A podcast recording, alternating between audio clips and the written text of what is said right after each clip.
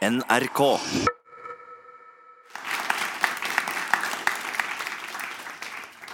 Hei, alle sammen, og velkommen så mye til denne morgenbladsalongen på Litteraturhuset i Bergen, hvor vi skal debattere det hete temaet klima og klasse.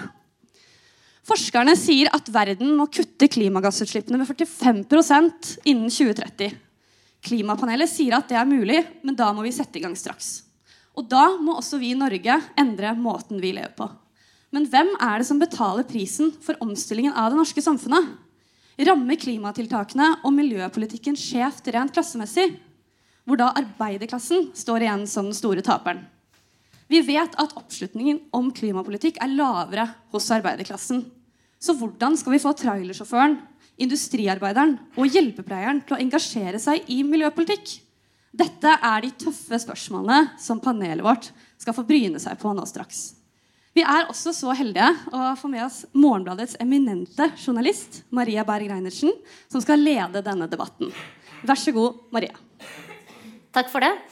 Velkommen til eh, dere. Og for å diskutere dette så har vi altså fått med oss et enda mer om jeg kan si det sånn, eminent eh, panel. Helt uh, ytterst på flanken så finner vi Stefan Heggelund. Han er uh, Høyres uh, representant i Stortingets energi- og miljøkomité. Så har vi Freddy André Øvstegård, stortingsrepresentant for SV. Og så har vi Cecilie Lyngby fra Nei til bompenger, ja til miljø. som er en organisasjon som hun leder. I tillegg så er hun også kandidat til Oslo, til uh, kommunevalget i høst for, uh, i Oslo for organisasjonen Nei, hva? Nei til bompenger. Folkeaksjonen Nei, Folkeaksjonen Nei til bompenger. Takk. og sist så har vi Jostein Bakke, professor i geologi og isbreforsker ved Universitetet i Bergen. Velkommen til alle sammen. Da begynner vi med deg, Cecilie. og kutte CO2-utslipp det krever at vi forandrer måten vi lever på. Og da er spørsmålet hvem det rammer. Og du sa det her da du skulle forklare bompengeaksjonen til Aftenposten litt tidligere i år. Det er arbeiderklassen som tar regninga. De opplever det urettferdig, og da blir de sinte. Så hvorfor rammer bompenger arbeiderklassen hardest? Fordi arbeiderklassen er da ja, de som har 450 500 000 i lønn, eh, gjerne alenebeboere. I Oslo er det 52% som bor alene. Når du da får et innhugg på din eh, årsbasis, eller din årslønn på 32 000 i året, så er det en årslønn, nei, månedslønn. Eh, og det er ganske stort innhugg på din privatøkonomi. Og det kan gå utover da ditt hverdagsliv, og det er dette som er så urettferdig. fordi de som da har mer, de har da gjerne råd til en elbil, Tesla, og så har de en SUV i tillegg. Så bruker de SUV-en på hytta, så kjører de Teslaen gratis rundt i Nå refererer jeg veldig mye til Oslo by. Uh, og så er det de andre som må sette fra seg bilen og få mer stress i hverdagen. Må kanskje bruke kollektivt, noe som er bra for miljøet. Men det er ikke alle som bor sånn til at de kan rekke å bruke da buss og trikk. Og så videre og så videre. Og da får du stress i hverdagen. Og det er derfor vi heter Ja til miljø. For jeg mener at miljø handler om eh, omgivelsene dine, og hvordan du også har det. Og stress er jo også usunt for eh, mennesker eh, og i hverdagen. Så det kan påføre ytterligere skader. Mm. Da lurer jeg på tenker du, tenker du at det her eh, med at arbeiderklassen tar regninga, er det noe som gjelder bare for bompenger, eller gjelder det annen miljøpolitikk? Også eh, at det rammer skeivt? Det jeg kan mest om, er jo da bompengeregningen, så klart. Uh, og jeg syns jo det er den som stikker seg ut, fordi den er så høy. Uh, før 1.10.2017 så var det jo på en måte en lavere pris. Det var flere som kunne bruke bil. Det var en, en jevn gang i alt sammen, og folk byttet ut til elbil, de som kunne det. Etter 1.10.2017 så smalt det veldig, og da økte det opp til 60 kroner per gang. Og nå er det ytterligere økning i Oslo. Og det er klart at da er det den som stikker seg ut i forhold til miljø eh, og CO2-utslipp, som de bruker hele tiden eh, som et eh, poeng. Mm. Ja. Og, og, som du sier her, selv om du snakker fra Oslo, så er jo dette med folkeaksjoner mot bompenger det er ikke noe som begrenser seg til eh, Oslo-gryta, akkurat. Men du, Jostein Bakke, skrev for litt siden et, eh, en kronikk i Bergens Tidende der du sier at hvis vi skal nå de målene vi har satt oss må begrense CO2-utslippet til godt under to grader, ikke sant? Eh, to graders oppvarming, så er det veldig mye annet enn bare transportvanene våre vi er nødt til å endre. Kan du gi oss et lite inntrykk av det her? Hva må, hva må til? Altså, jeg tenker jo at uh, vi må begynne å ha vårt eget energiregnskap, nærmest. At vi, vi må tenke energi i alt vi gjør, rett og slett. Hva, hva type energi bruker vi, og hvor masse energi trenger vi for å gjøre våre aktiviteter. Og Transport er jo selvfølgelig enkelt eh, i forhold til eh, fly og bil og sånn. Men det gjelder jo òg hva hvilken mat vi eter. altså Hvor masse energi trengs det for å lage den maten vi eter. Hvilke klær har vi på oss? Eh, hvor masse energi eh, trengs det for å lage de klærne jeg har på meg? Så det går liksom på hele på måte, forbruksmønsteret vårt. Og Hvis vi på en måte kan lære opp den kommende generasjonen til å tenke de baner, så eh, har vi gjort en veldig god innsats for klimaet. Det er jo selvfølgelig ikke så veldig eh, kjekt å tenke på alt dette, her, men eh, jeg tror det trengs. Kjøpe heller kvalitet enn kvantitet, f.eks. Eh, og tenke kortreist og så videre. Høres ut som i hvert fall kjøpe høyere kvalitet enn en kvantitet. Er det noe som er litt enklere hvis du har mange penger på kontoen på én gang? Hva, hva, hva tenker du om disse livsstilsendringene som du beskriver her? jeg tenker jo at Som forsker så jeg, føler jeg at jeg er nødt til å gi beskjed om at uh, altså jeg er urolig, for at jeg ser at uh, klimaet er veldig på vei i en feil retning. Og Jeg driver jo stort sett med grunnforskning. Det er jo det vi holder på med på Bjerknessenteret for klimaforskning i Bergen. Vi driver med grunnforskning på klimasystemet. Uh, og vi er urolige, mange, når vi ser hva er dette går, og vi ser at konsekvensen av eh, en tograders oppvarming versus en halvannen oppvarming er ganske stor. Og Det er det som uro, uroer meg, i hvert fall, er disse her ikke-linjære responsene i klimasystemet. Selv om CO2-innholdet på en måte stiger jevnt og trutt, så har vi et klimasystem som absolutt ikke er lineært, som plutselig kan hoppe fra en modus til en annen. Eh, og det kan på en måte ramme eh, veldig hardt. Og det vil selvfølgelig ramme eh, hardest de som har minst ressurser. Eh, men jeg tenker vi, vi har, Det er vår plikt å opplyse om dette. Og, og hvis vi klarer å snu tankesettet vårt til at det handler om energi, så, eh, så hvis vi kan ha det som sånn ryggmargsrefleks, så er jo veldig mye gjort, da, eh, tenker jeg. Mm. Da ble det liksom opp til dere to, politikerne ytterst på flanken, å løse denne floken, avveiningen mellom på den ene siden de enorme behovene for omstilling som klimatusen stiller oss overfor. På den andre siden hvordan dette rammer i hverdagen til, til hver, hver, enkelt av oss. Er det, en, er det en bekymring det deler? At her er det en avveining liksom, mellom den alenemoren som Cecilie beskriver, da, som skal levere i to barnehager og trenger dieselbilen sin, ikke har råd til å benytte seg av subsidier til elbilen, til å bytte til elbil. Og de enorme behovene for å leve annerledes. Det er ingen som tar ordet. Jeg kan kjøre på, jeg. Ja, ja. du bygger så fint opp. ja, altså jeg, jeg, kan jo starte med, med, med, noen betraktninger, i hvert fall. Da. Og aller først så må vi jo til grunn for, for den debatten uh, legge til det at det haster. Det haster innmari mye. Det, dette er ikke en sånn 'hvordan skal vi leve i framtida'-diskusjon. Det er en diskusjon 'hvordan skal vi leve nå'. Og så Den andre tingen jeg tror er veldig klokt uh, å, å, ha med seg, er det at klimaendringene de kommer også til å bli verre å løse mer eh, dramatiske tiltak må til. Det kommer til å være mer eh, altomveltende jo lenger vi venter. Og de skal man si, negative konsekvensene av klimatiltak vil bli verre jo lenger vi venter. Og jeg tror nok vi med stor trygghet kan si det at de også vil ramme arbeidsfolk da enda hardere. Så inn i dette liksom, klasseperspektivet så mener jeg det også er et, eh, et tidsspørsmål hvor uh, vanlige folk, den uh, alenemora med dieselbilen, kommer til å få det enda verre hvis vi står om fem-ti år og er nødt til å virkelig skru av krana, uh, skru av lyset. Så Det er liksom første som er, er, viktig å ha med oss. Det vil bli verre hvis vi venter og ikke handler nå med en gang. og Det ligger til grunn for, for vår politikk.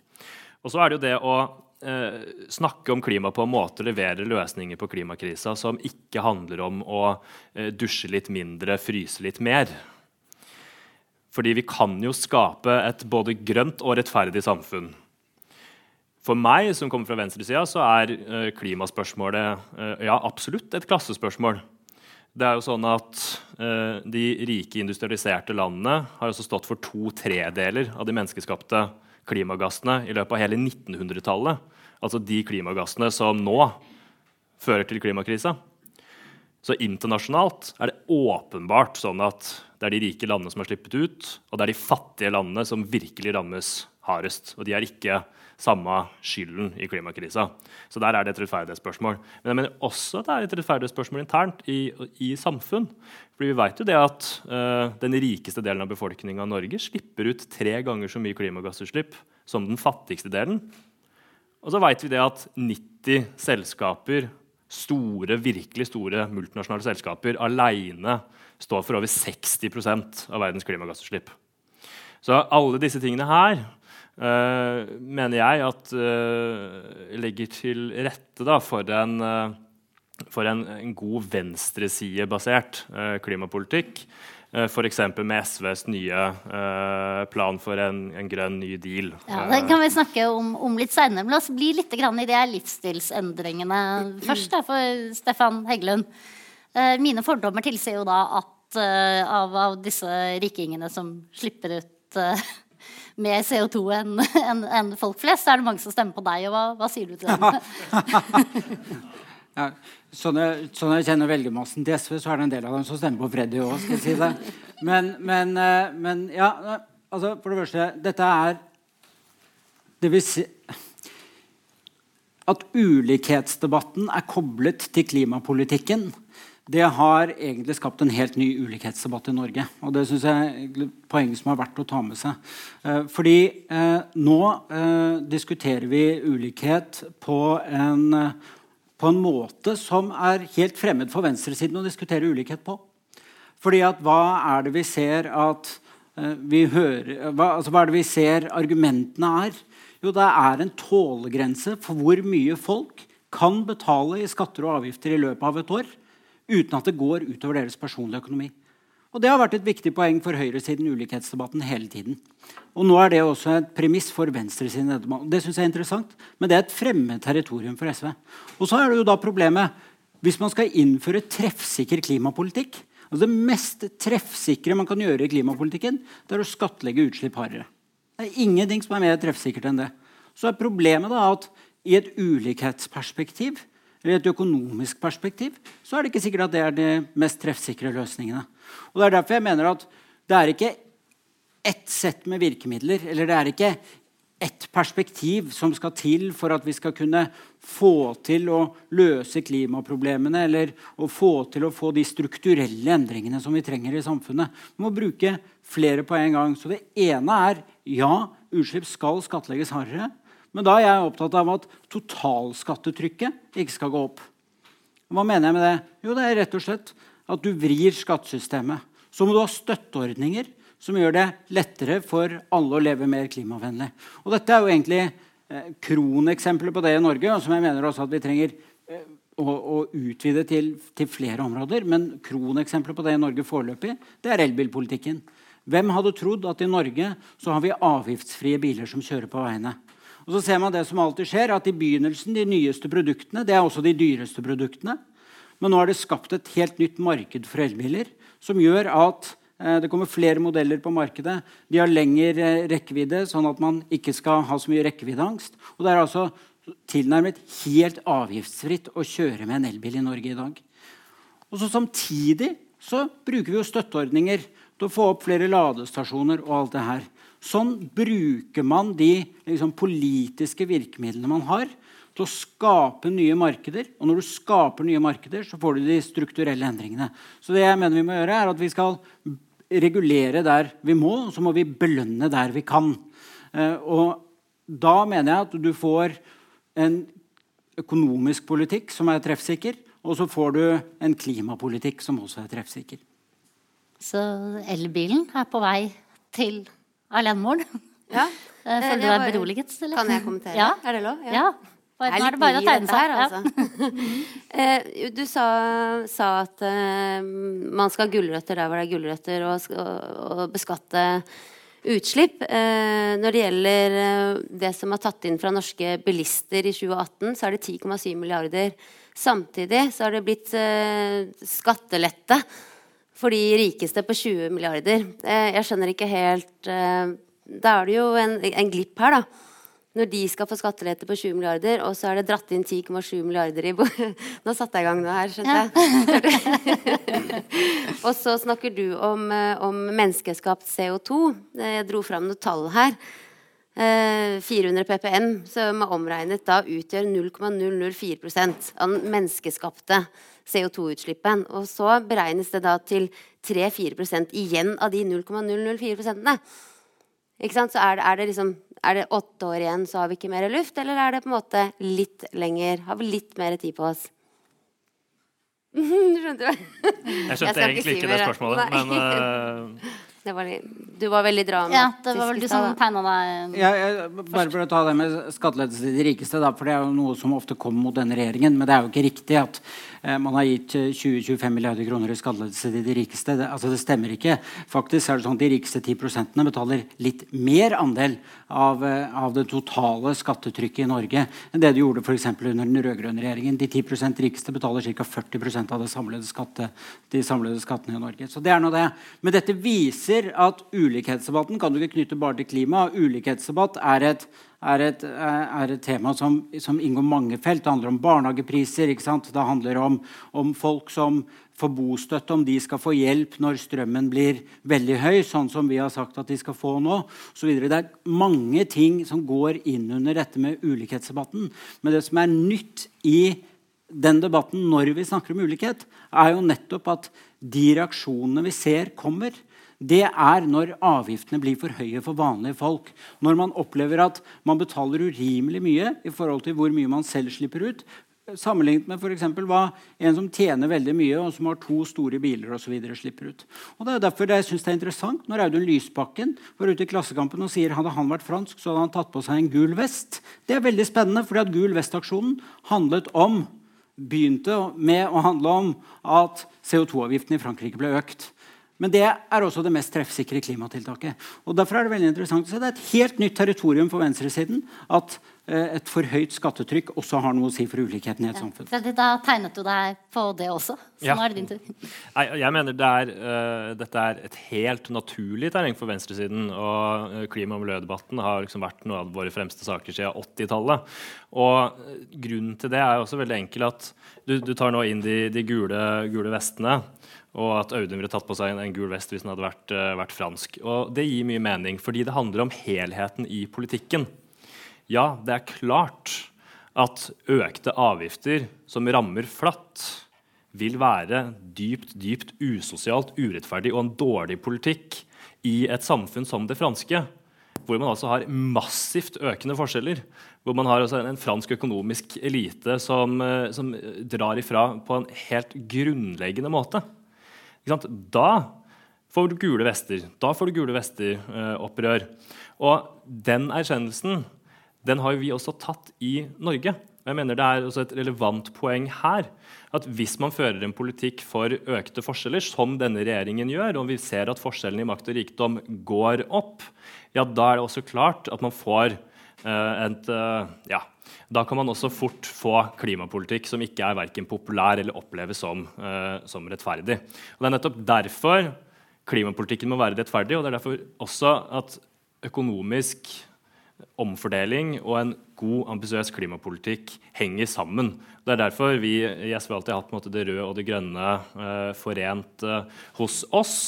Og det er derfor vi trenger uh, f.eks. et både grønt og rettferdig skatteskifte, som gir ja, skattekutt til vanlige folk og ikke til de rikeste. men også flytte skattlegging over til ting som forurenser.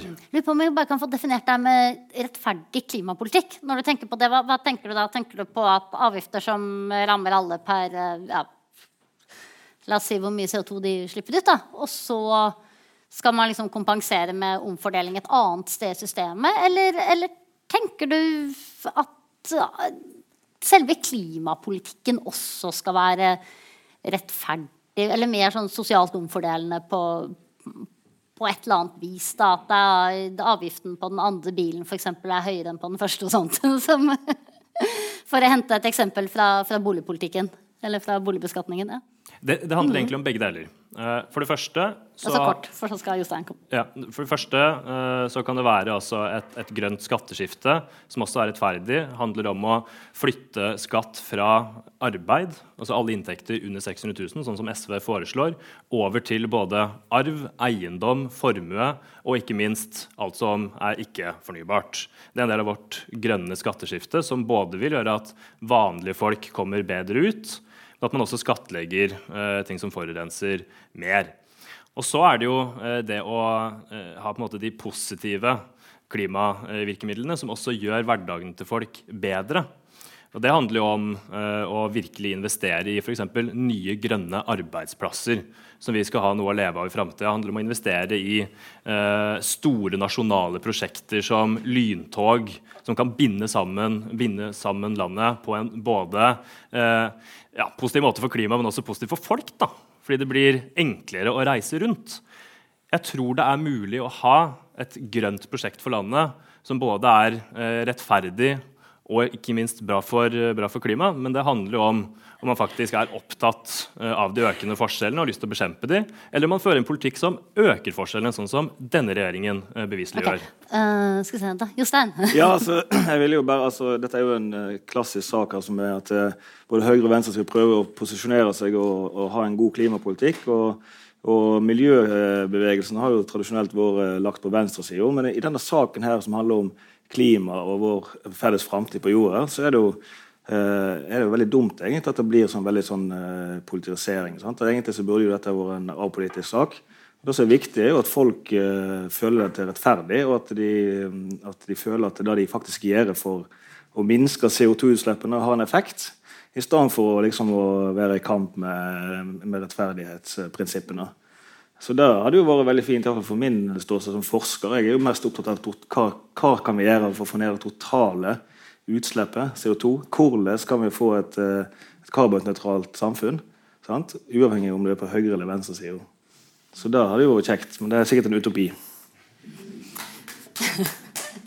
Stefan, du tegner deg. En kjapp replikk fra deg, ja, og så Cecilie, og så skal vi komme oss litt videre. Ja. ja at, eh, og jeg, jeg, tror det er viktig å, å understreke i en sånn debatt at det, det kommer til å være litt kjekling mellom Høyre og SV. Men så er det viktig å huske på at i veldig mange saker i Stortinget så er det konsensus.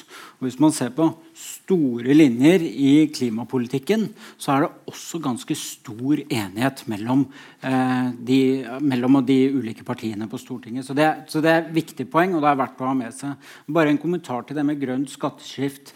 Jeg er helt for et grønt skatteskift. Og det er jo det vi er i gang med å gjøre nå.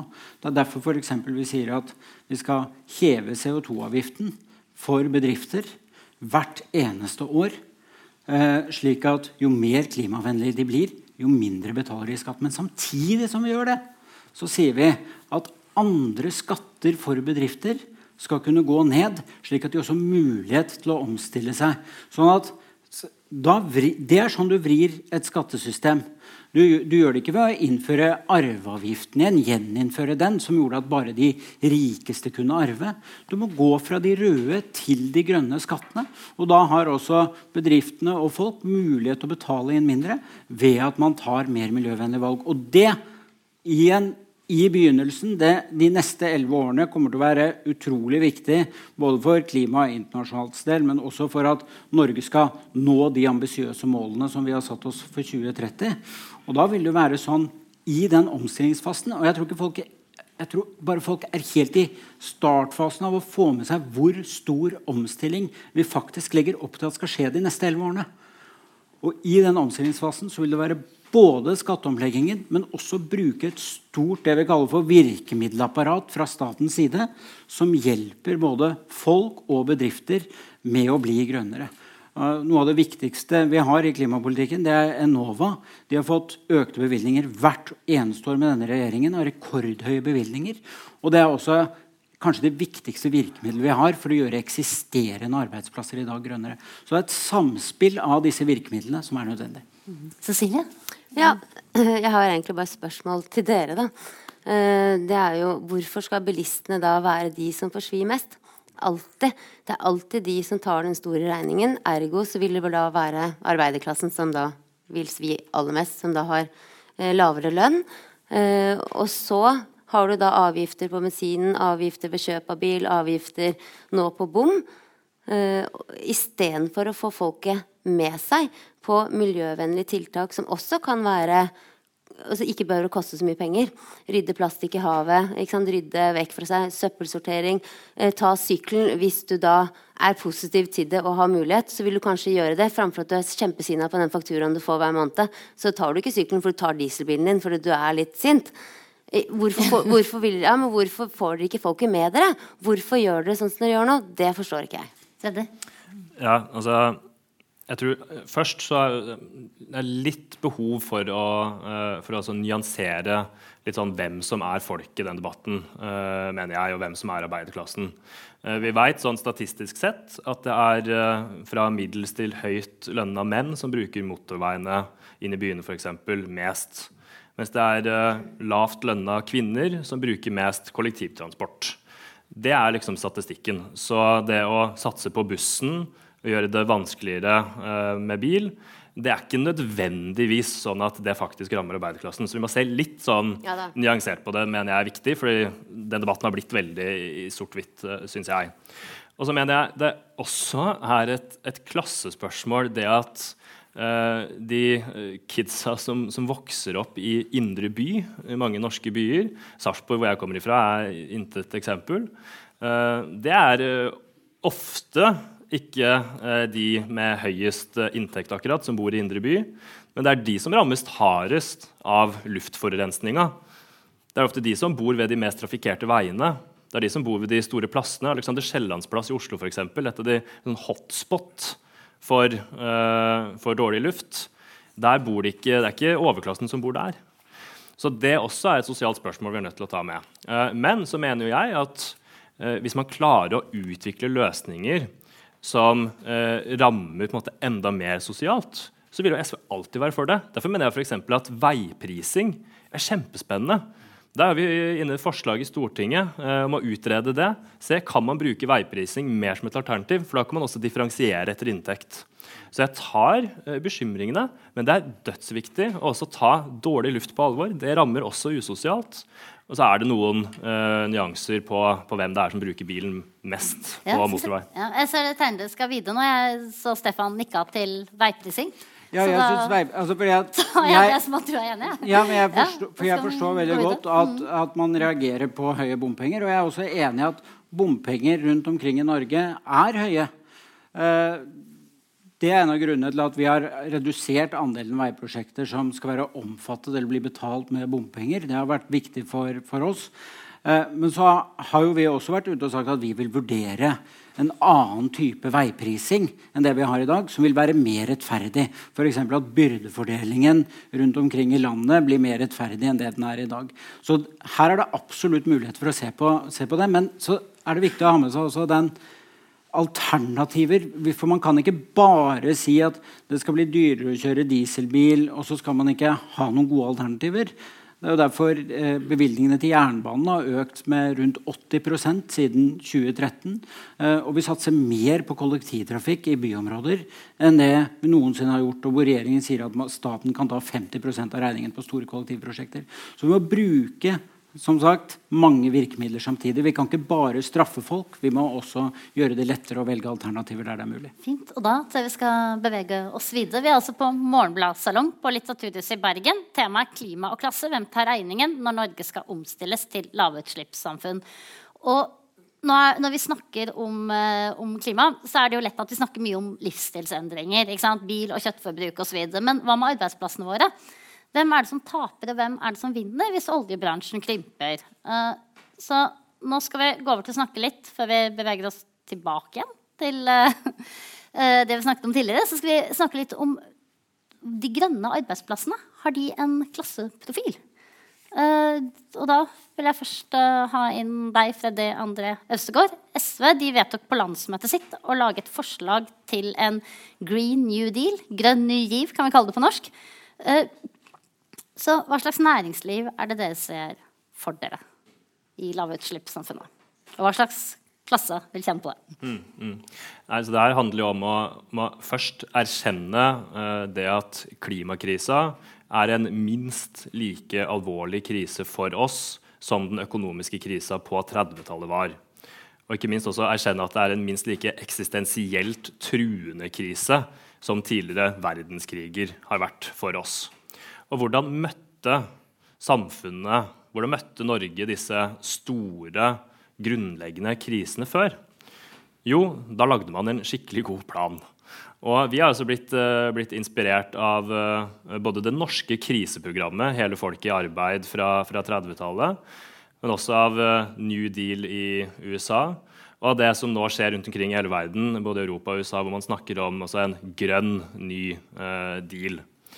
Og det handler jo om at vi er nødt til å erkjenne at vi ikke i all framtid kan leve av å være så oljeavhengige som norsk økonomi er. Og da må vi ha noen troverdige svar på hvordan vi kan bygge opp ikke bare sånn litt her og litt der av noen sånn hyggelige grønne arbeidsplasser, men virkelig bygge opp hundretusenvis av nye grønne arbeidsplasser. Og hvordan har man gjort det tidligere? Hva er den suksessoppskriften vi liksom rent empirisk kan se på? Jo, bl.a. så trenger vi å gjenreise den aktive statlige industripolitikken som bruker alle statens muskler, bruker fellesskapets eierskap i nøkkelnæringer over naturressurser for å bygge ut ny teknologi, for å bygge ut nye arbeidsplasser. Jeg har et, eh, et, et, veldig talende eksempel hjemme, hjemme, i min hjemby, Sarpsborg. Så har vi en, en helt fantastisk en bra industriarbeidsplass som heter Borregaard. Eh, de har vært Norges største industriarbeidsplass eh, tidligere. sysselsatt mange tusen. Nå er det ca. 800 folk som jobber der. De, eh, de, bruker også trestokken og lager produkter som man før måtte bruke olje for å lage. Den bedriften har vært en del av Orkla tidligere. Men nå har Stein Erik Hagen bestemt seg for at han skal satse på Grandiosa. Så Derfor solgte han unna mesteparten av den industriutviklinga som skjedde i Orkla-konsernet. Da var jo vi livredde for å miste en veldig viktig hjørnesteinsbedrift og masse framtidsretta grønn teknologi hvis noen andre skulle kjøpe opp og flagge ut uh, det her. Vi kan ikke bare lene oss tilbake poenget med den historien, på uh, hva markedet finner som det kortsiktig lønnsomme når vi skal bygge opp disse nye grønne arbeidsplassene. Det er derfor vi trenger en, en plan for å gjenreise uh, industri i Norge øke industriens andel av økonomien vår opp til 10% ha et aktivt industrimål i økonomien, sånn som andre viktige industriland har, men ikke Norge av en eller annen grunn. Da kan vi begynne å eh, virkelig si at vi har noen troverdige svar på hva vi skal leve av etter olja, den, den evige klisjeen som vi er nødt til å med, fylle med innhold hvis vi også skal klare å løse klimakrisa. Vi kan jo leve av pizza Grandiosa. Men eh, Jostein, du tegna deg. Ja, altså, jeg vil, jo, jeg vil, jo, egentlig slå et slag for kunnskapssamfunnet. Altså, Jeg kommer jo fra et institutt for geovitenskap her i Bergen. Eh, vi har jo vært leverandør av enorme mengder med kompetanse til olje- og gassindustrien. Det, nå står vi overfor en ganske massiv omstilling. Eh, og det er jo da kunnskap som er vårt eh, hovedvåpen her, rett og slett. Eh, vi har jo mange fortrinn i Norge. Vi har energi, vi har ressurser som vi kan dyrke. Og, men vi trenger mer kunnskap. Og vi trenger å utdanne folk som kan mer om energi, mer om fornybar energi, vindkraft, eh, bølgekraft, solkraft. Vi trenger folk som kan mer om ressurser, mineralressurser i dyphavet osv. Så videre, sånn at eh, jeg vil jo gjerne trekke det fram som vel så viktig som statlig kontroll, at vi faktisk satser på utdanning og kunnskapsbygging for, et, for en framtid som vil være helt annerledes enn vi ser. Og så blir jeg jo litt urolig når vi, når du sammenligner det vi opplever nå, med ting som skjedde på 30-tallet For jeg vil si at Den krisen vi faktisk er inne i nå, den er langt langt alvorligere. Menneskeheten har aldri stått overfor en sånn type utfordring som vi har. Så vi har egentlig ikke ingenting å sammenligne dette her med i forhold til fortida. Stefan, eh, du nevnte tidligere CO2-avgiften mm. for uh, retta mot næringslivet som en sånn et viktig tiltak for regjeringen i, i omstillingen til klimapolitikk. Det ser du øker CO2-avgiften hvert år, og sånn belønner du de bedriftene som er raske på å omstille seg. Uh, er det veien å gå? Uh, øke, øke, avgiftene, og så la bedriftene selv finne ut av uh, hvordan de skal liksom, finne veien inn i lavutslippssamfunnet? Eller er du enig med kollegaen din fra, stortingskollegaen din fra SV i at her trenger man en stor statlig plan?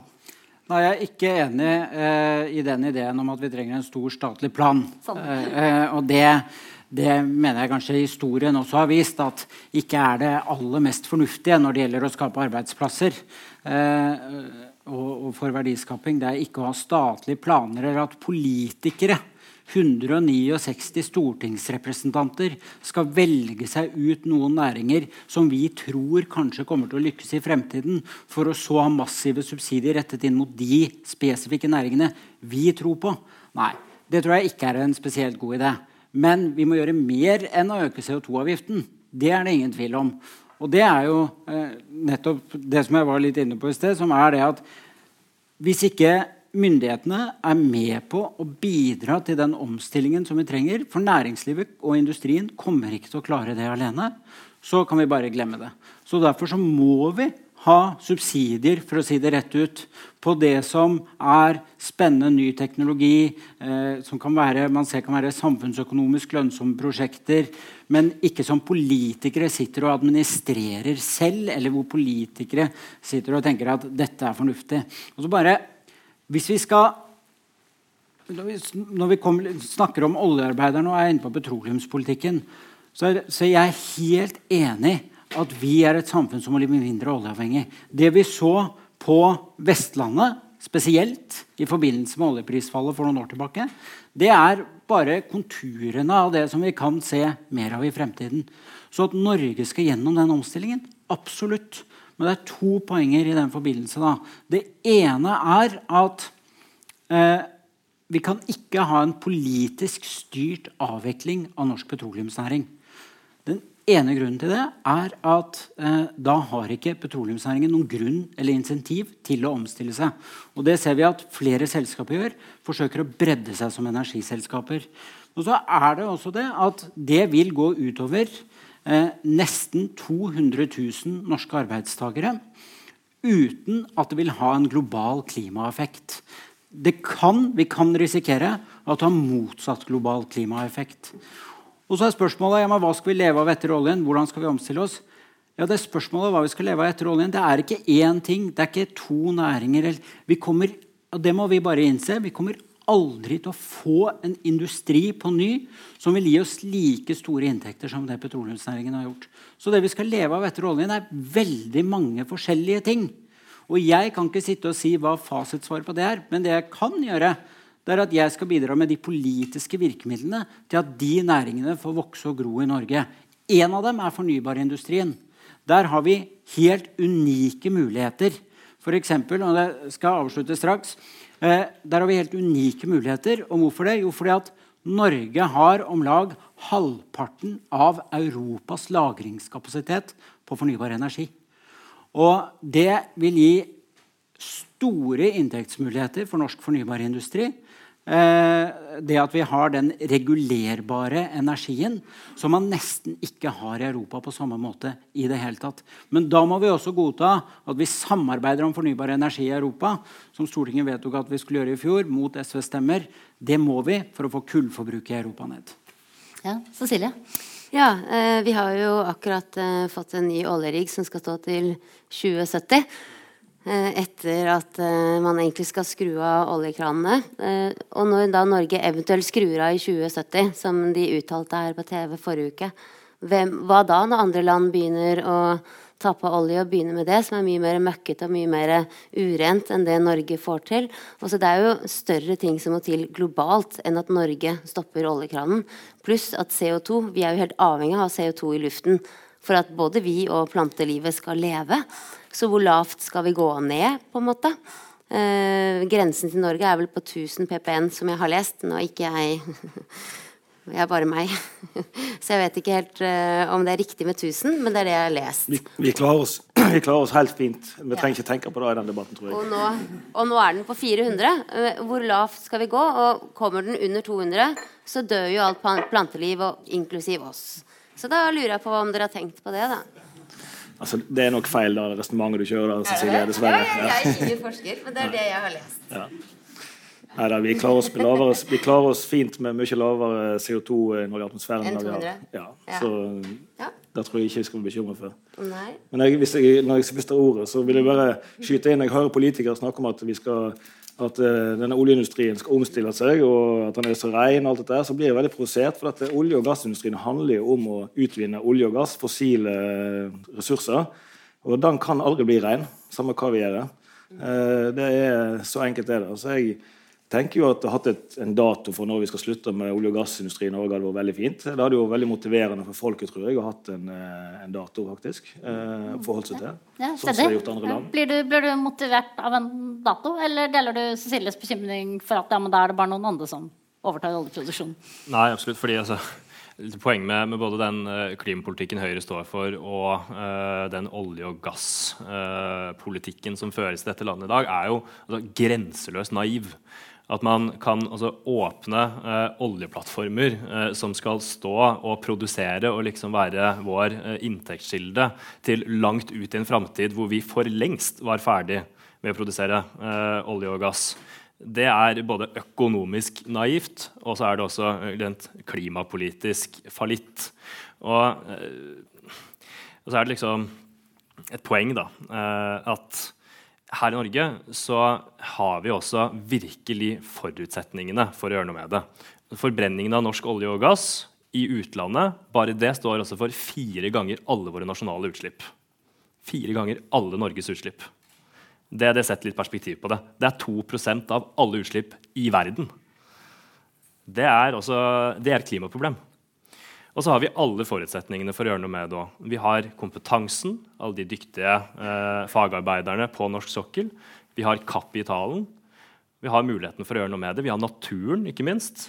F.eks. det å satse på offshore vindkraft. Man kan virkelig sette i sving et nytt industrieventyr. Vi har allerede vist, Mange fylkeskommuner har allerede vist hvis man gjør altså en aktiv fellesskapspolitikk for klima, hvor positivt det også kan være for arbeiderklassen. for å si det sånn. Da. Når man har begynt å stille krav på ferjesamband, om at det skal være nullutslippsferjer, hva har vi fått? Jo, vi har både fått nullutslippsferjer, vi har fått hybridferjer, vi har fått elferjer rundt omkring, som er bra for klimaet og bra for transporten. Og så har vi fått en ny fabrikk i Trondheim, Trondheimsområdet, som også produserer framtidas batteriteknologi. Både grønne arbeidsplasser og klimagassutslipp. Og det gjør vi når vi stiller krav. Når vi har en aktiv klimapolitikk fra fellesskapet. Men det, det, er jo ingen som er mot det. De anbudene du snakker om på ferger, f.eks., er det jo altså vi som stiller. Det er jo derfor Norge er blitt verdensledende på elferger. Det er jo ikke fordi Fylkeskommunen stiller. Ja, men okay. altså vi Anbud vi har lagt noen klare krav, lagt noen klare krav og, og, anskaffelsesregelverk som vi kaller det, er et kjempeviktig virkemiddel også til å omstille norsk industri og næringsliv. Og det skjer i stor skala i Norge i dag. Men bare, men bare for å ta, det, bare for å ta petroleumspoenget ferdig er, jeg synes, altså, Vi var på klimatoppmøte, ikke det som var nå forrige gang, men det før der igjen, som var i Bonn. Og Da så hadde vi møte med MDGs søsterparti i Tyskland. Og det er veldig pussig forskjellen med å høre norsk venstreside om petroleumspolitikken og det vi hører fra Miljøpartiet i Tyskland. For hva var det de sa til oss? Jo, de sa vi trenger gass fra Norge. Hvorfor gjør de det? Jo, de gjør det for å få ned kullforbruket sitt. Så jeg, villig, jeg synes det er bra at vi kan selge gass til dem, sånn at kan, Europa kan redusere sitt kullforbruk. Og så vil jeg i tillegg til det som SV av en eller annen grunn stemte mot, samarbeide om fornybar energi i Europa, sånn at kullforbruket i Europa og det fossile forbruket i Europa kan gå ytterligere ned. Og så synes jeg også litt pussig når du snakker om vindkraftverk. Altså nå la NVE, på bestilling fra de borgerlige partiene, så har NVE lagt frem det man kaller for Nasjonal plan for vindkraft. Målet med Nasjonal plan for vindkraft var ikke å bygge ned natur overalt. Tvert imot så var det å identifisere områder som absolutt ikke egner seg for vindkraft. Og så var det å si her i disse områdene så er det muligheter for vindkraft, og dette bør man vurdere. Okay, men nå er vi ja, langt inne i energipolitikken. vi må tilbake til klimaklasse. Ja, ja, men, det fra, jo, men dette handler jo om ny industri. Og hva sa SV da? Jo, de hevet, så Målet med den planen er også å senke konfliktnivået. Med en gang den kom, så gikk SV ut og hevet konfliktnivået og påsto at vi ville bygge ut vindkraft overalt for at dere er mot vindkraftverk. Så det må være en, det må, nei, det må, det må være en sammenheng i det dere sitter og sier på Litteraturhuset i Bergen, og det dere gjør og stemmer for og mot i Stortinget. Det, ja, apropos en sammenheng, da, for å ta eh, det med offentlige anskaffelser, som jeg mener kan være ja, veldig veldig godt eksempel. Fint at du kom inn på det. Eh, for nå har jo også denne regjeringen nettopp lagt fram ny lov om offentlige anskaffelser. Og nå skal vi se sammenhengen mellom det Stefan Heggelund sier her, og det regjeringen foreslår på Stortinget. Jo, Der sier man altså at pris det skal være det viktigste, ikke miljø. Nok en gang så eh, legger man vekk miljøhensynet. Man kunne heller gjort det sånn at man sier nei, i Norge så skal vi bruke det vi er eh, best på her, bl.a. høye miljøkrav stille strenge krav til industrien. Sånn har vi bygd opp bl.a. verdens reneste aluminiumsproduksjon i Norge, som er konkurransedyktig uh, utlandet fordi vi gjør det på ren kraft, fordi vi har lave utslipp. Men så legger dere fram en, en lov om offentlige anskaffelser okay, som drar teppet under den logikken. Tiden uh, løper i, fra oss på hva SV og Høyre har gjort på Stortinget og på Litteraturhuset.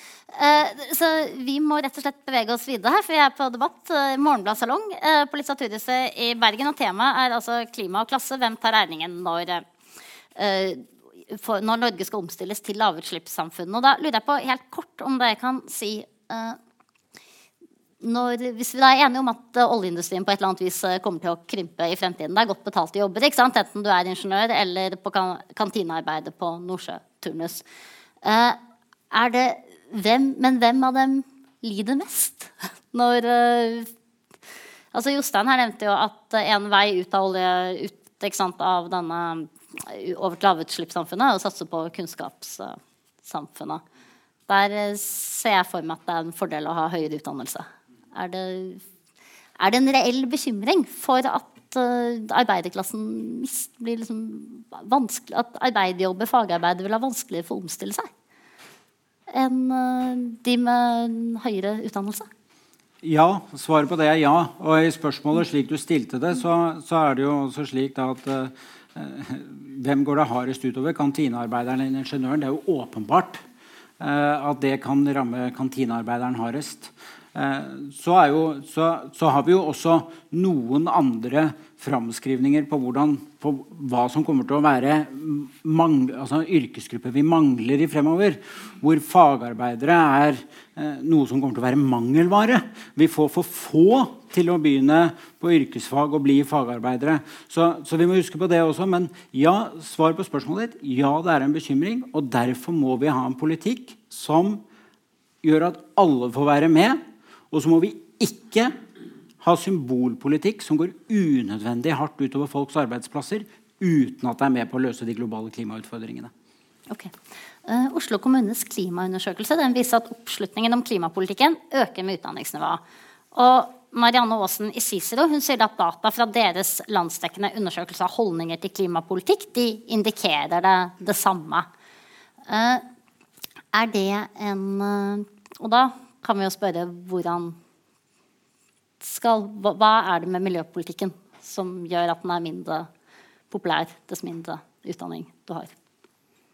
Freddy, der må du ha Er det meg du spør, eller hvem spør du?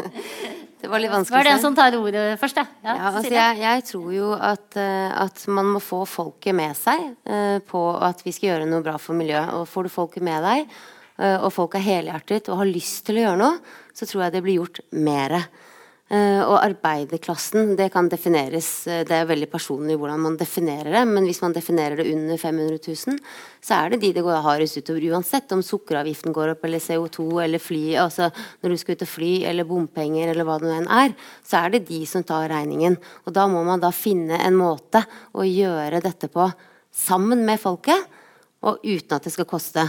mye mer for noen, eh, og mindre for andre som da f.eks. har elbil, som ikke betaler bommen, da, eh, og sånne type ting.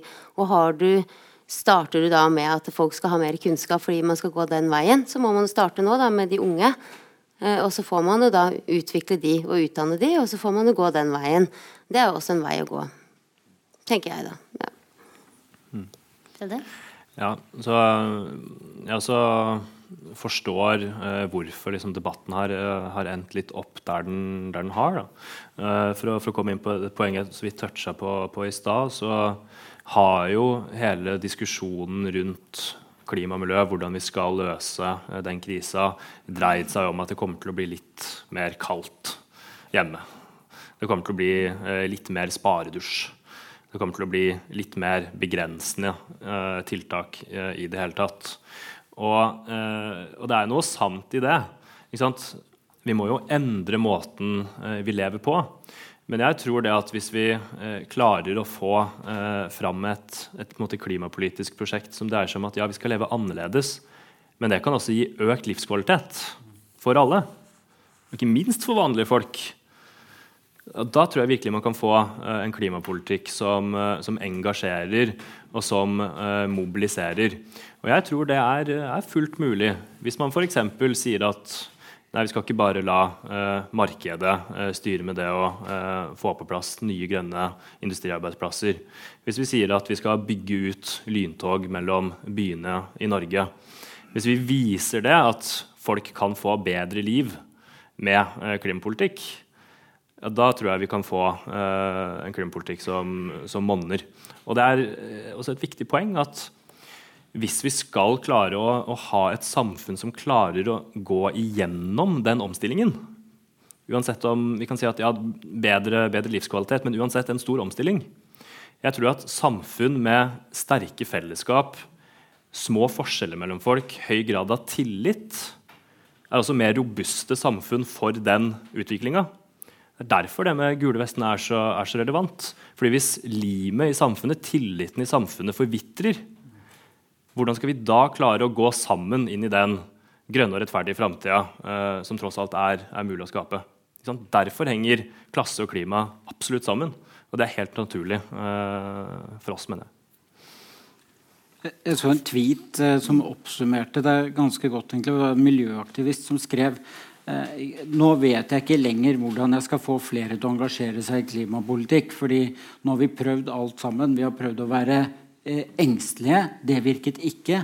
Vi har prøvd å være fremtidsoptimistiske. Det virket ikke. Og vi har prøvd å være sinte, og det virket heller ikke. Det, men samtidig så tror jeg veldig mange nå ser eh, hva klimaendringene, at klimaendringene også er kommet til Norge. Og da tror jeg flere og flere engasjerer seg i det. Jeg tror klimabevisstheten i samfunnet øker ganske raskt. NRK hadde en utrolig viktig reportasje for ikke så lenge siden om, eh, om at det skjer noe i Norge nå. Hvor de viste eksempler på hvordan klimaendringene allerede har rammet Norge. Ja, okay. uh, og, og, og jeg, får, jeg, får, tekstmeldinger fra folk som jeg ikke trodde jeg skulle få tekstmelding fra, som sier at nå må politikerne snakke mer om klima. nå må det skje noe. Så jeg tror det skjer en endring her. Men jeg tror vi også har vi et kjempegodt utgangspunkt i Norge fordi vi har partssamarbeidet, som vi har lange tradisjoner for. Og vi burde bruke partssamarbeidet som modell også for hvordan vi kan hjelpe næringsliv, industri å omstille seg. Rett og slett ved å ha gode forhandlinger om hvordan skal den og den sektoren klare å nå de klimamålene man setter frem til 2030. Det tror jeg, sånn, sånt unikt utgangspunkt som vi har i Norge, har man ikke i spesielt eh, mange andre land. Nesten ingen. Og jeg tror Vi må bruke det, og det tror jeg også vil kunne gi et klimaarbeid også en større legitimitet, som er viktig. Fint. Takk. Det var beroligende. Eh, Jostein og så Cecilie, 30 sekunder hver. Ah, ja. ja. Nei, altså, jeg er bare enig i at det du sier om at vi, dette med kunnskap og dette med å kjenne klimaendring på kroppen altså jo, jo, mer kunnskap, da, jo mer bekymra er du selvfølgelig. Men så er vi jo faktisk på terskelen til at vi kommer til å kjenne det mye mer på kroppen framover. Vi har allerede begynt å merke det i Norge. Og de neste 10-20 årene så kommer vi til å merke det enda mer. Eh, med konsekvenser i forhold til fritidsinteresser, fritidsinteresse, skigåing osv., men òg i forhold til ras og flom og alt dette her. Okay. Cecilie? Jeg syns i hvert fall klimadebatten kan ta frem alle eh, sider av klimadebatten, sånn at man får en, en balanse på det. For for meg eh, så har det vært mye skremselspropaganda, som jeg kaller det. Og jeg syns man skremmer folket. Og jeg syns vi skal ta opp debatten sånn at vi kan balansere den mer, og ikke gå inn i hverdagen til folk, men få med dere folket. Det Ok, egentlig det siste da blir det siste ord her fra Litteraturhuset i Bergen, der Morgenbladet har hatt eh, klima har hatt eh, salong om eh, klima og klasse. Vi takker eh, panelet. Stefan Heggelund, Freddy André Østegård, Jostein Bakke og Cecilie Lygbu. Og ønsker alle vel hjem, vel videre i Radiosøndagen.